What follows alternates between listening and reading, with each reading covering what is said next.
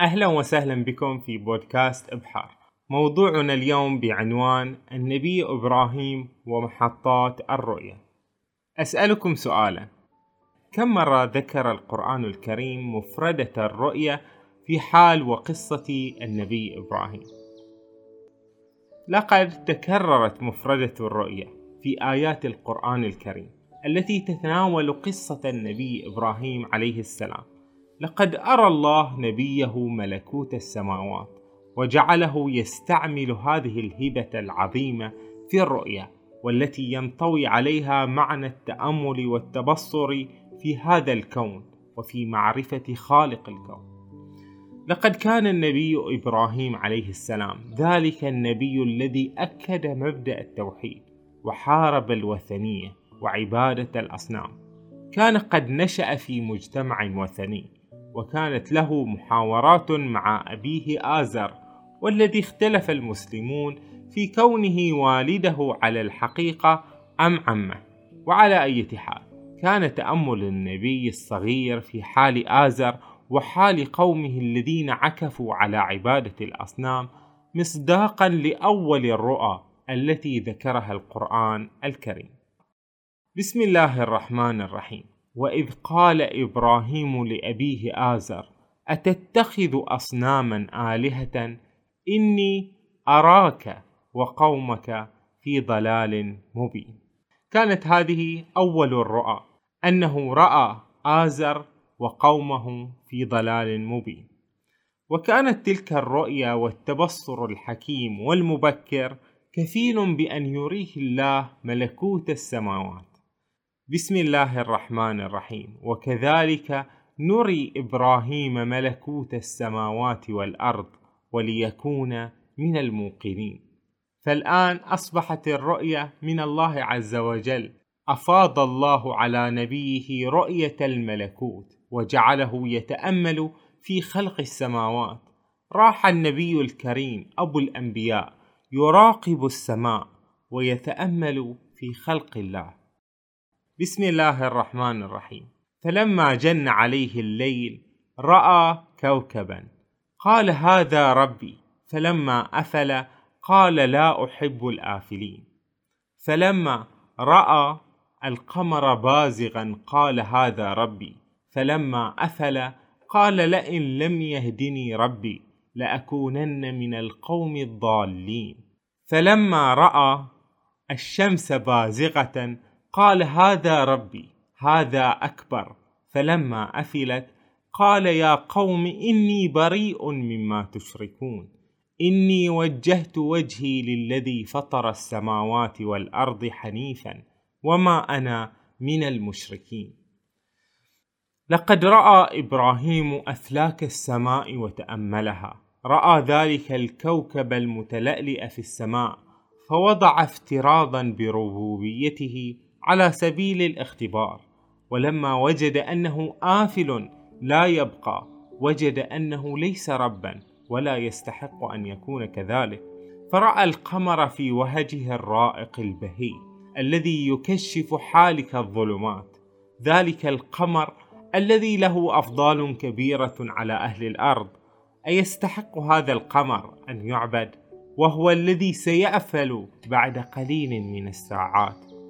لم يبقى إلا الشمس كبيرة الأجرام والتي أفضالها علينا تفوق أفضال القمر وكل النجوم والكواكب.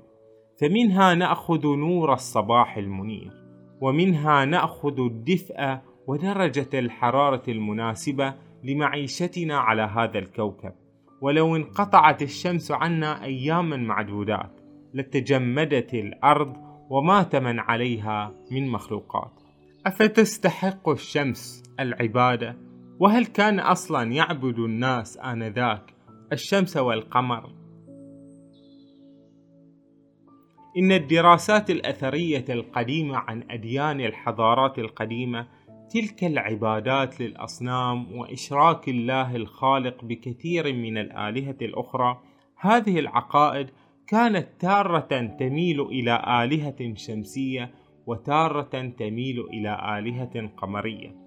وذلك لأن البشر برؤيتهم القاصرة وجدوا أن للشمس والقمر تأثير هائل عليهم ولكنهم لم يتفطنوا أو لم يريدوا أن يتفطنوا لما أوضحه النبي إبراهيم ببساطة أن هذه الأجرام تأتي ثم تأفل فليست هي إلا خلق من خلق الله. كل تلك الأجرام والعالم الذي نعيش فيه لا تديره الشمس ولا يديره القمر ولا الكواكب بل يديره الله رب العالمين.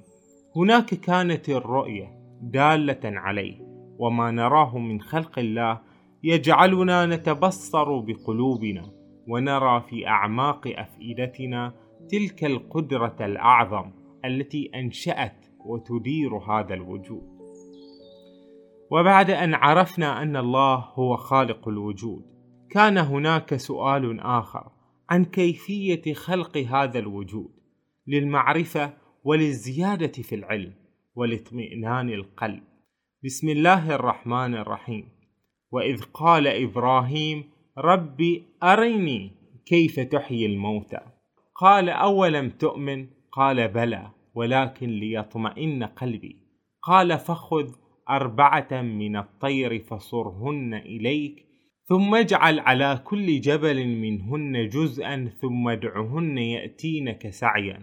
واعلم أن الله عزيز حكيم.